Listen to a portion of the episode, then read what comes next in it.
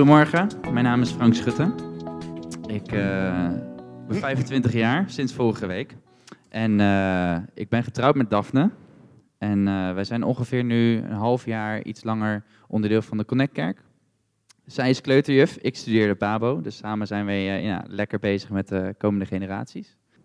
Vandaag de dag leven wij in een cultuur, een samenleving, die zich heel erg veel focust op hoe iets voelt. Kunt het ook wel de sensuele cultuur noemen. Met, alle, met, z'n allen zijn we eigenlijk heel druk bezig om ervoor te zorgen dat iets heel comfortabel of fijn voelt. En als iets niet fijn voelt, zijn we heel erg, nou, laat dat nou maar even liggen. Dat nou, wil ik niet per se mee bezig zijn. Hierdoor wil ik het heel graag over de discipelen hebben. De discipelen van Jezus. Um, het is namelijk interessant, want het zijn eigenlijk helemaal geen bijzondere mensen. Het zijn mensen net als jij en ik. Het zijn geen koningen, geen profeten, geen grote leiders die miljoenen hebben, die, waar miljoenen ze volgden. De meeste waren vissers. Matthäus was een tollenaar, Nathanael en Judas. Die waren hoger geschoold, maar het waren geen, niet per se mensen die je in zou schrijven voor de grootste missie aller tijden. Maar toch is er iets heel erg bijzonders aan ze en daar wil ik jullie graag mee, aan meenemen vandaag. Want het is iets wat van ons allemaal gevraagd wordt en het is een voorwaarde voor in je leven met Jezus. Lees met me allemaal mee in Matthäus 4, vers 18 en 22. Als je geen Bijbel hebt, dan komt het hier. Oh, staat al, kijk, heerlijk.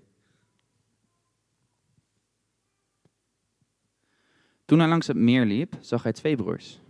Simon, die Petrus genoemd wordt, en zijn broer Andreas. Ze wierpen hun net uit in het meer. Het waren vissers. Hij zei tegen hen: Kom, volg mij. Ik zal van jullie vissers van mensen maken. Ze lieten meteen hun netten achter en volgden hem. Even verderop zag hij twee andere broers, Jacobus, de zoon van Zebedeus, en zijn broer Johannes. Zij waren met hun vader in een boot bezig met het herstellen van de netten. Hij riep hen en meteen lieten ze de boot en hun vader Zebedeus achter en volgden hem. Hier wordt een heel bijzonder moment omschreven. Dwayne Miller noemt het in zijn boek Jesus the Rabbi de twee woorden die geschiedenis veranderden. Het waren namelijk de twee woorden van Jezus. Volg mij. Meteen lieten Petrus en Andreas hun netten vallen en meteen lieten Johannes en Jacobus hun boot en hun vader achter. Er was geen twijfel in hun hart of verstand. Ze wisten, dit is iets wat wij moeten doen. En ze gingen met hem mee. Geen idee wat ze te wachten stond, maar ze wisten, dit is de ultieme kans. Connect Kerk heeft het hartstikke mooi in hun visie staan. Gezonde discipelen en Gods koninkrijk zichtbaar door mensen die Jezus willen volgen boven alles. Maar hoe ziet dat er nou uit? En wanneer ben je nou echt een discipel? Jezus die zegt dit in Matthäus 16, vers 24 en 25. Toen zei Jezus tegen zijn leerlingen: Wie achter mij aan wil komen, moet zichzelf verloochenen, zijn kruis op zich nemen en mij volgen. Want ieder die zijn leven wil behouden, zal het verliezen. Maar wie zijn leven verliest omwille van mij, zal het behouden. Het kruis in die tijd, waar stond het kruis voor? Het was nog niet een, een mooi uh, symbool aan een ketting voor verlossing, want Jezus was nog niet gestorven aan het kruis. Nee, het moment dat Jezus uh, dit zei, stond het kruis eigenlijk alleen nog maar voor een symbool van een brute dood. Als je gekruisigd zou worden, moest je het kruis zelf op je nemen, zoals Jezus ook deed, het pad afwandelen tot het punt dat je dood zou gaan. Jezus zegt hier eigenlijk letterlijk, als jij mij wil volgen, moet je je klaarmaken om te sterven. Op een ander moment zegt hij in Lucas 14, vers 33, degene die niet alles achter zich laat om mij te volgen, kan ik niet mijn discipel noemen. Wow, dat is wel alles? De discipelen die wisten dit. En dus je ziet in hun leven dat ze vanaf het begin dat ze Jezus zijn gaan volgen, tot aan het einde van hun leven, ze alles hebben achtergelaten voor Jezus. Elf van de twaalf apostelen zijn op brute wijze vervolgd en vermoord voor het spreiden van het evangelie. Voor hen was Jezus belangrijker dan hun eigen leven.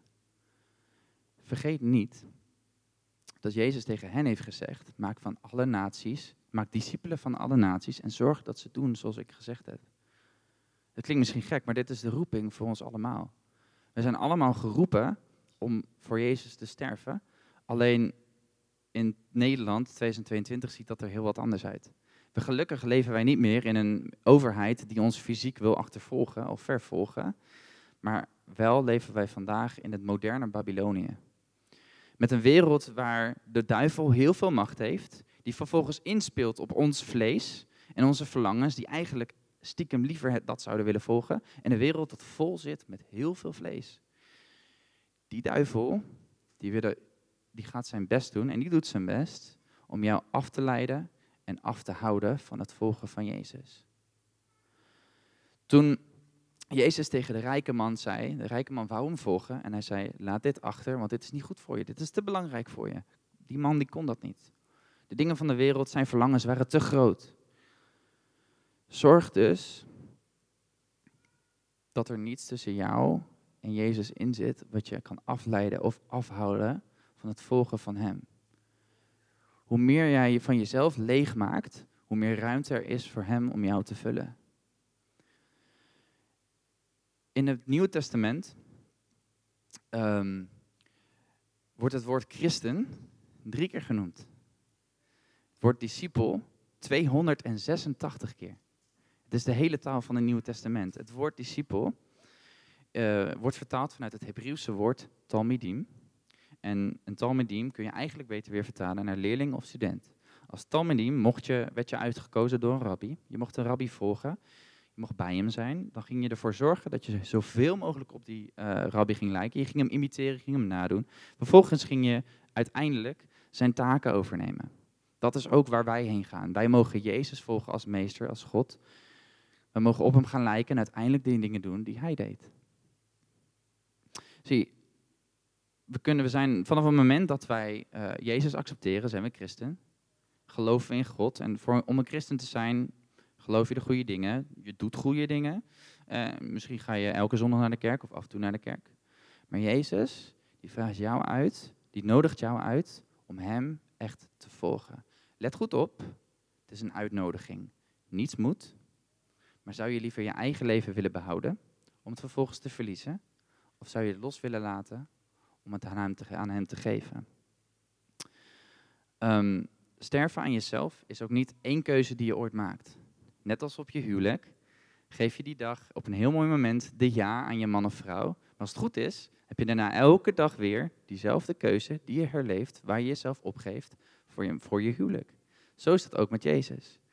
Sterf aan jezelf, in die zin, deny yourself, verlogenen. Er zijn duizend keuzes op een week, in een maand. Kleine momentjes, kleine keuzes waarin jij kunt kiezen van nee, ik leg mezelf aan de kant, ik kies nu voor Jezus. De ene, en voor iedereen is dat weer anders. Voor iedereen heeft dat een eigen vorm. De een kan op het ene moment kan het vaste zijn. Voor de ander is het weer toch op die persoon afstappen die je niet kent en vertellen dat Jezus van hen houdt. Voor de ander is het misschien koken voor je vrouw terwijl het eigenlijk haar beurt was. Maar om het persoonlijk te maken.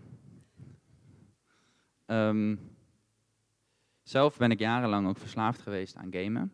En uh, sinds klein af aan was dat mijn verschuilplek. Was dat mijn, uh, waar ik het liefst heen wil. En alhoewel het een gezonde plek heeft gekregen en, en ik er mee leren omgaan, vroeg God niet zo heel lang geleden toch aan mij: hey, wil je dat loslaten? Toen kwam de worstel en toen kwam het goed praten. Oké, maar ik, ik kan toch Jezus volgen en dat ook, het past erin. Klopt. Het is ook niet slecht op zichzelf, ook rijkdom en geld is niet slecht. En al die andere dingen die de wereld belooft, zijn van zichzelf niet slecht. Maar toen klikte er iets in mij. Hij begon te spreken en ik hoorde, hoe leger ik ben, hoe meer ruimte voor hem. Hoe leger ik ben, hoe meer ruimte voor hem. En dan terug naar de cultuur van vandaag, waar we kunnen vragen, waarom zou je op de grond gaan zitten als je een dikke, vette, zachte sofa hebt? Waarom zou je niet eten op een dag als je elke dag kunt kiezen voor alle smaken ter wereld? Waarom zou je kiezen voor het smalle pad als je het brede pad hier zo voor je ligt, wat zo goed ruikt, zo er goed uitziet? Omdat er één pad leidt naar leven en de ander niet. Ik zou graag nog kort voor jullie willen bidden. Um, ik hoop ook dat hierin ook de Heilige Geest tot je spreekt en dat je ook jezelf de kritische vraag mag stellen aan je hart. Zit er nog iets tussen mij en Jezus? Is er iets waar ik in de volgende stap uh, kan opgeven voor Jezus om meer achter hem aan te gaan? Het hoeft niet allemaal, het zijn stappen. We leven allemaal in een proces. We zijn rustig stap voor stap aan het lopen. Ehm, en vergeet niet, ik bid ook voor mezelf. Ik sta hier niet dat ik het beter weet. Voor mij is het elke dag een strijd om na te gaan. Hoe ziet dat er nou uit, een leven met Jezus? Alright? Doe je hand op je hart. En dan sluit je ogen, denk ik. yes. Vader, Heer, dank u wel. Dank u wel dat u uw zoon heeft gegeven om voor ons allemaal te sterven. Om ons te laten zien hoeveel u van ons houdt. Heer, dank u wel dat u ons uitnodigt om u te volgen. Dat u zegt dat wij het waard zijn. Dat u ons volledig vergeven heeft. Heer, laat ons ook zien wat het is, om, hoe het eruit ziet voor ons per persoon, om te laten zien hoe we u kunnen volgen. Heer, laat ons zien als wij zingen, You are worthy of it all. Leer ons om dan ook echt alles te geven, stap voor stap, waar wij ook zijn. In Jezus' naam. Amen. Dankjewel Frank. Ik uh, word altijd erg blij van mensen die een uh, heel radicaal verhaal, verhaal, houden over wat volgen van Jezus betekent. Um, en soms is het wel nodig dat mensen zoals mijn vrouw, die daar achterin zit, met dat grijze haar, ze steekt de hand op, mij daar is aan herinnert wat dat betekent in de praktijk. Vanmorgen wil ik met jullie hebben over David, mijn held. En ik zal het doen aan de hand van Psalm 23. En gaandeweg hoop ik duidelijk te maken wat dat heldenbloed van David inhield. En ik bedoel dan niet de David van Batseba, waar hij een enorme uitglijder maakte in overspel en in moord. Ik bedoel ook niet de David van uh, Nabal en Abigail, waarin hij zo ontzettend boos wordt dat hij eigenlijk het hele schapenbedrijf met man en al wilde uitmoorden, maar weerhouden werd door een andere wijze vrouw. Mijn vrouw is een wijze vrouw, overigens. Ik ben Richard. Ik zal me verder niet zo uitgebreid introduceren. Ik, ik maak graag met je kennis in de, in de wandelgangen. Um, dan lezen we nu Psalm 23. Als ik die uh, hier achter mag zien. Even een vraagje. Wie van jullie heeft minstens één of twee keer Psalm 23 wel eens gelezen? Kun je je hand opsteken? Uh, 80%, 90%. En we kunnen wel stellen dat het een bekende psalm is. Wie van jullie kent hem uit zijn hoofd? Oh, wel 5 of 10 procent. er zijn wel heel veel versen over geschreven ook. Er hadden wat woorden dik gebruikt moeten zijn. Maar goed, de Heer is mijn herder, mij ontbreekt niets. Hij doet me neerliggen in grazige weiden. Hij voert mij aan rustige wateren. Hij verkwikt mijn ziel. Hij leidt mij in het spoor van de gerechtigheid omwille van zijn naam. Zelfs al ging ik door een dal vol schaduw van de dood, ik vrees geen kwaad, want u bent met mij. Uw stok en uw staf, die vertroosten mij. U maakt voor mij de tafel gereed voor de ogen van mijn tegenstanders. U zalft mijn hoofd met olie. Mijn beker vloeit over. Ja, goedheid en goede tierenheid zullen mij volgen al de dagen van mijn leven. Ik zal in het huis van de Heer verblijven tot in lengte van dagen. Je kunt deze psalm op allerlei manieren indelen. Er is ook een indeling die ik zelf bedacht heb, denk ik. Ik weet maar nooit waar ik het ooit gelezen heb, maar dit. Deze psalm beweegt zich namelijk van hij, wat God allemaal doen is in de eerste drie versen, naar uh, het vierde en vijfde vers, waarin het gaat over u, God en ik. U doet dit en ik dat. En u, stok, is vertroost mij. En het eindigt in het laatste vers met ik. Kan ook zeggen, de Heer is herder voor David in de eerste drie versen. En God is zijn toekomst, want God gaat voor hem uit. De herder gaat voor de schapen uit, zo hoort het. Als hij achteraan komt, dan heeft hij een herdershond die hij vooruit stuurt. Dat is even een ander verhaal. Dat gebeurt in deze tijd misschien wat meer. En God is in, het tweede stukje helper. En hij is in zijn uh, leven. Dus de eerste keer gaat hij voor hem uit. Het tweede deel is hij zijn helper. Aanwezig in zijn moeite en verdriet. En het derde, laatste vers is: God komt achter hem aan. God is in zijn verleden. Deze psalm is dus een heel kunstig gedicht. De Heer is mijn herder. En wat valt je op als je dit leest? Ik had het dik, dik gedrukt, het komt helaas niet zo over, het is nu ook wel weer weg. Maar het staat stijf van de metaforen in het Nederlands beeldspraak. Het is een heel profetische psalm, kun je zeggen. Ik heb een beeld voor je. Ik zie een herder en ik zie nou, grazige weiden. Wat zou dat zeggen? Het is een bepaald gevoel wat er met je overkomt. Een, uh, ja, een plaatje wat je hebt in je hoofd. En ik vind dat heel mooi. Ik, kon er vroeger niet zo goed tegen, want zeg, waarom zeg je het niet gewoon? Dan doe je al gek genoeg en dan is het klaar. Al, al, die beelden en zo, en dan moet je allemaal gaan zitten denken van, wat is dat nou eigenlijk?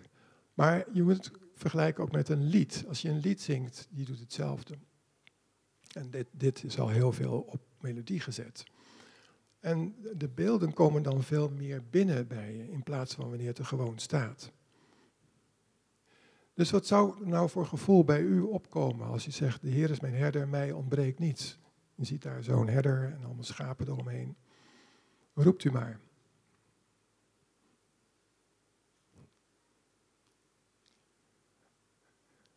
Grote stilte, rust, ja, ja, heel goed.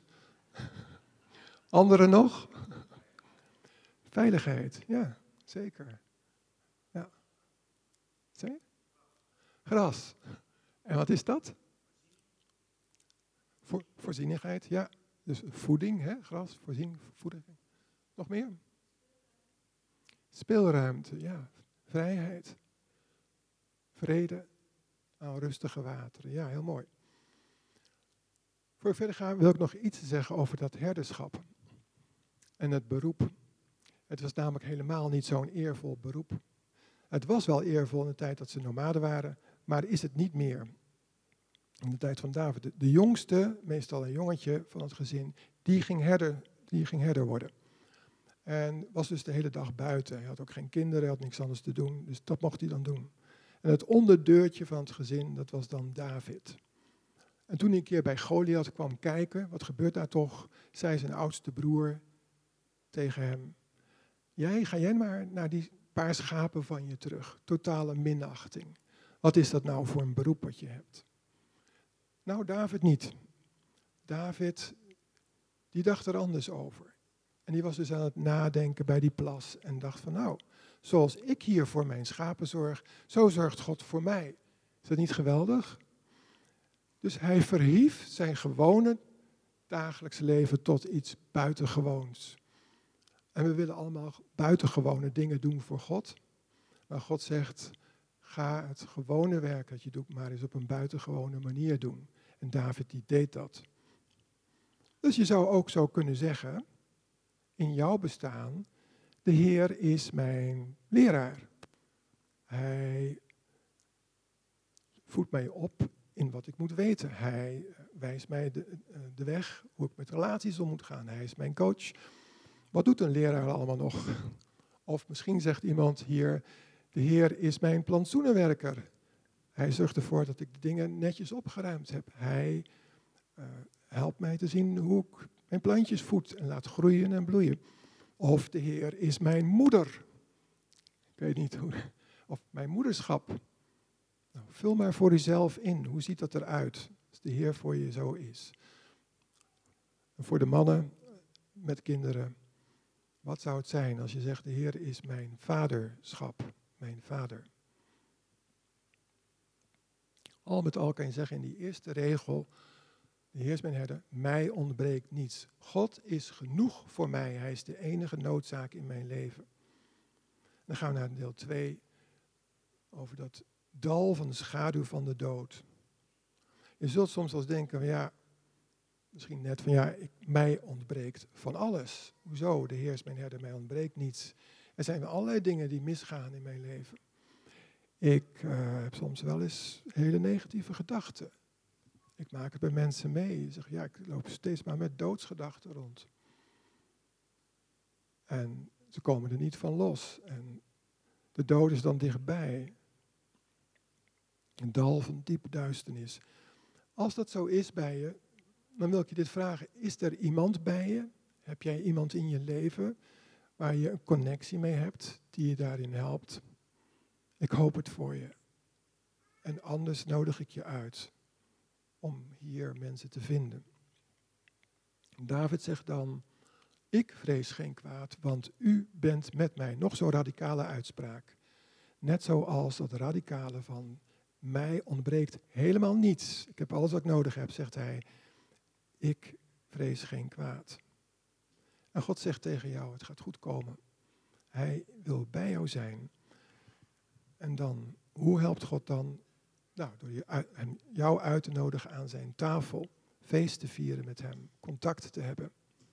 Ik geef je nieuwe kracht en vernieuwd denken. Hij zalft je hoofd met olie, betekent dat je door de Heilige Geest weer goede gedachten kan krijgen, positieve gedachten, gedachten van hoop en toekomst. En mijn beker vloeit over, zegt hij dan tenslotte, in het u en ik verhaal. Als jij, jouw beker vol is, dan heb je genoeg om uit te drinken.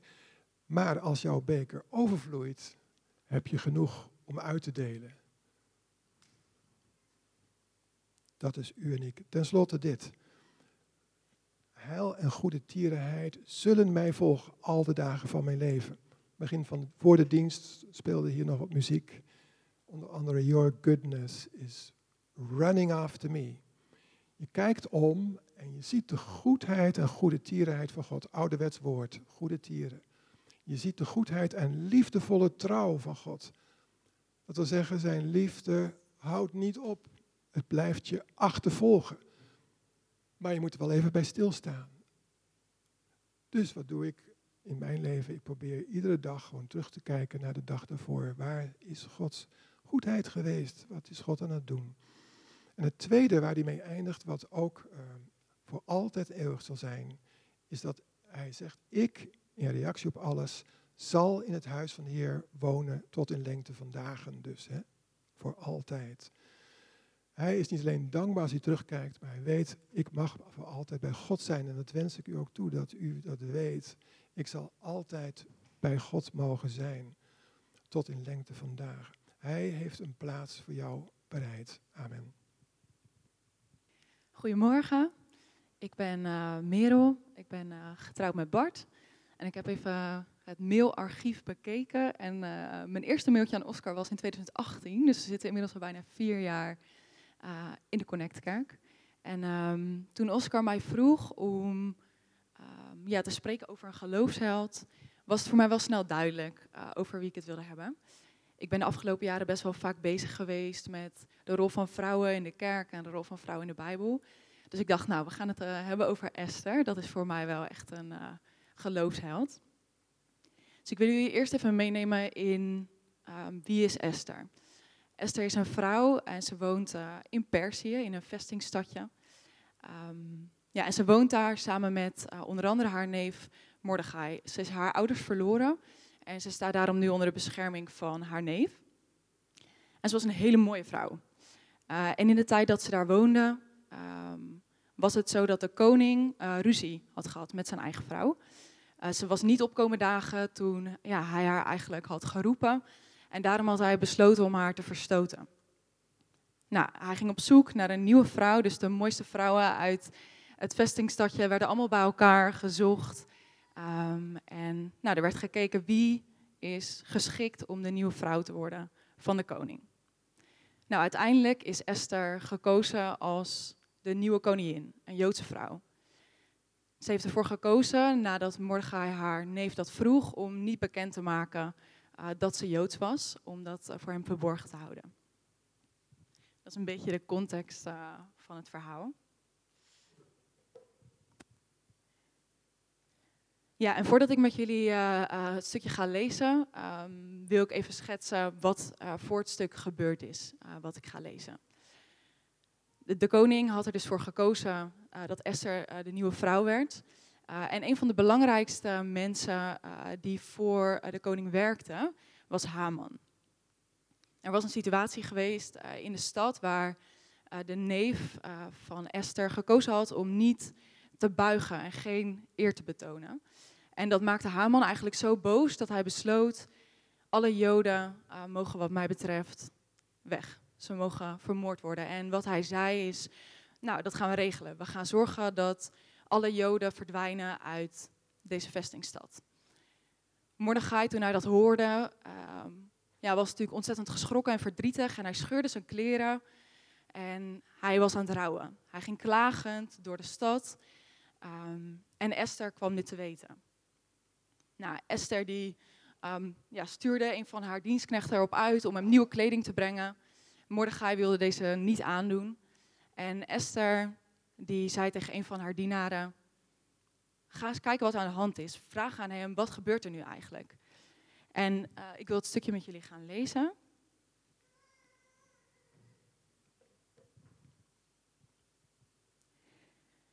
Bovendien gaf hij hem een afschrift van de wet die in Susa was uitgevaardigd. Dat is het uh, vestingstadje waar ze woonden.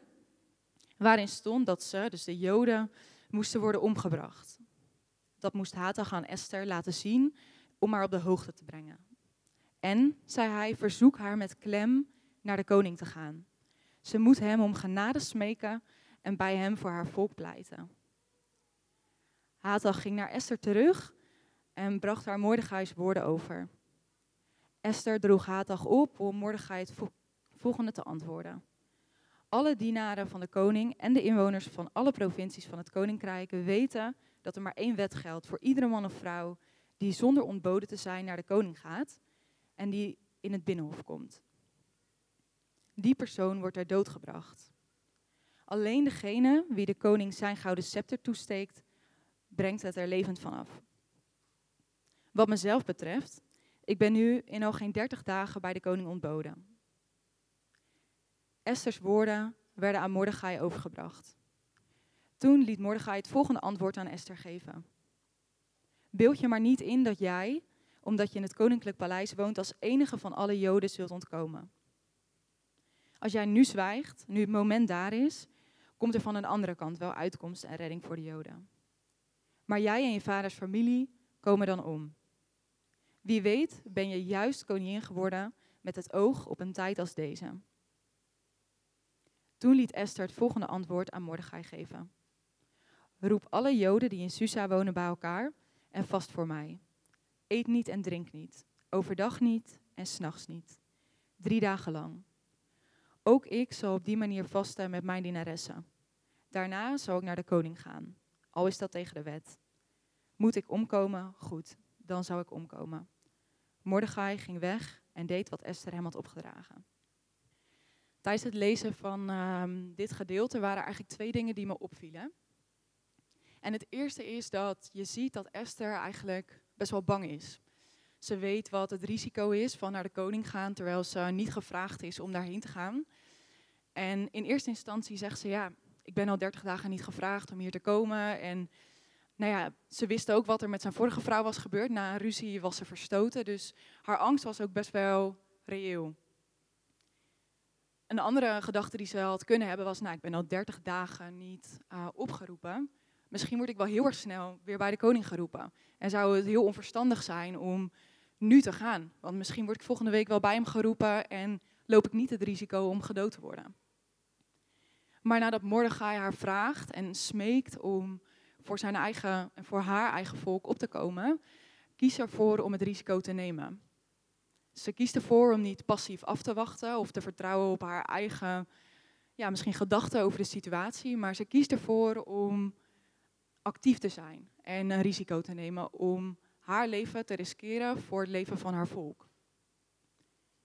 Het tweede wat me opviel, wat ik nou, misschien wat het allermooiste vond toen ik dit las, waar ik steeds weer bij terugkwam, was dat Esther eigenlijk vraagt aan het hele volk om met haar mee te doen in haar voorbereiding op dit moment. Ze vraagt aan Mordechai, vraagt het hele volk om drie dagen te vasten. Overdag, s'nachts. En zij doet hetzelfde met haar dienaressen. Ze is een koningin, ze heeft een belangrijke positie. En ze had ervoor kunnen kiezen om te zeggen, ik ben op deze positie geplaatst. Oké, ik ga het doen, we gaan ervoor en ik ga het volk redden. Maar dat doet ze niet. Ze kiest ervoor om het hele volk te betrekken bij dit belangrijke moment. En wat ik heel bijzonder vind, is dat in het hele boek Esther God geen één keer wordt genoemd, maar dat juist uit dit stuk zo blijkt hoe belangrijk hij is. Het hele volk wendt zich tot God. Ze herstellen de relatie met hem door te vasten voor dit belangrijke moment. En Esther die draagt niet zelf het gewicht van dit moeilijke en gevaarlijke moment, maar ze doet dat met haar hele gemeenschap. Dat is iets waarvan ik denk dat, als ik naar mezelf kijk, dat ik er wel van kan leren. Ik ben zelf heel erg geneigd om dingen zelf te willen doen, de last op mijn eigen schouders te dragen, ehm, te zorgen dat ik dingen goed van tevoren bedenk. Maar Esther laat hier zien dat moeilijke beslissingen uh, en cruciale momenten, dat we ze mogen dragen met de hele gemeenschap om ons heen. Ook als het veel vraagt van anderen. Als je vraagt om drie dagen te vasten, uh, dag en nacht, op voorbereiding voor een moment wat jij hebt. En ik denk dat datgene is wat ik ook jullie wil meegeven, is zoek een gemeenschap om je heen. Of dit nou je gemeenschap is, of dat een andere gemeenschap jouw gemeenschap is. Doe de dingen niet alleen, maar doe het samen met anderen en samen met God.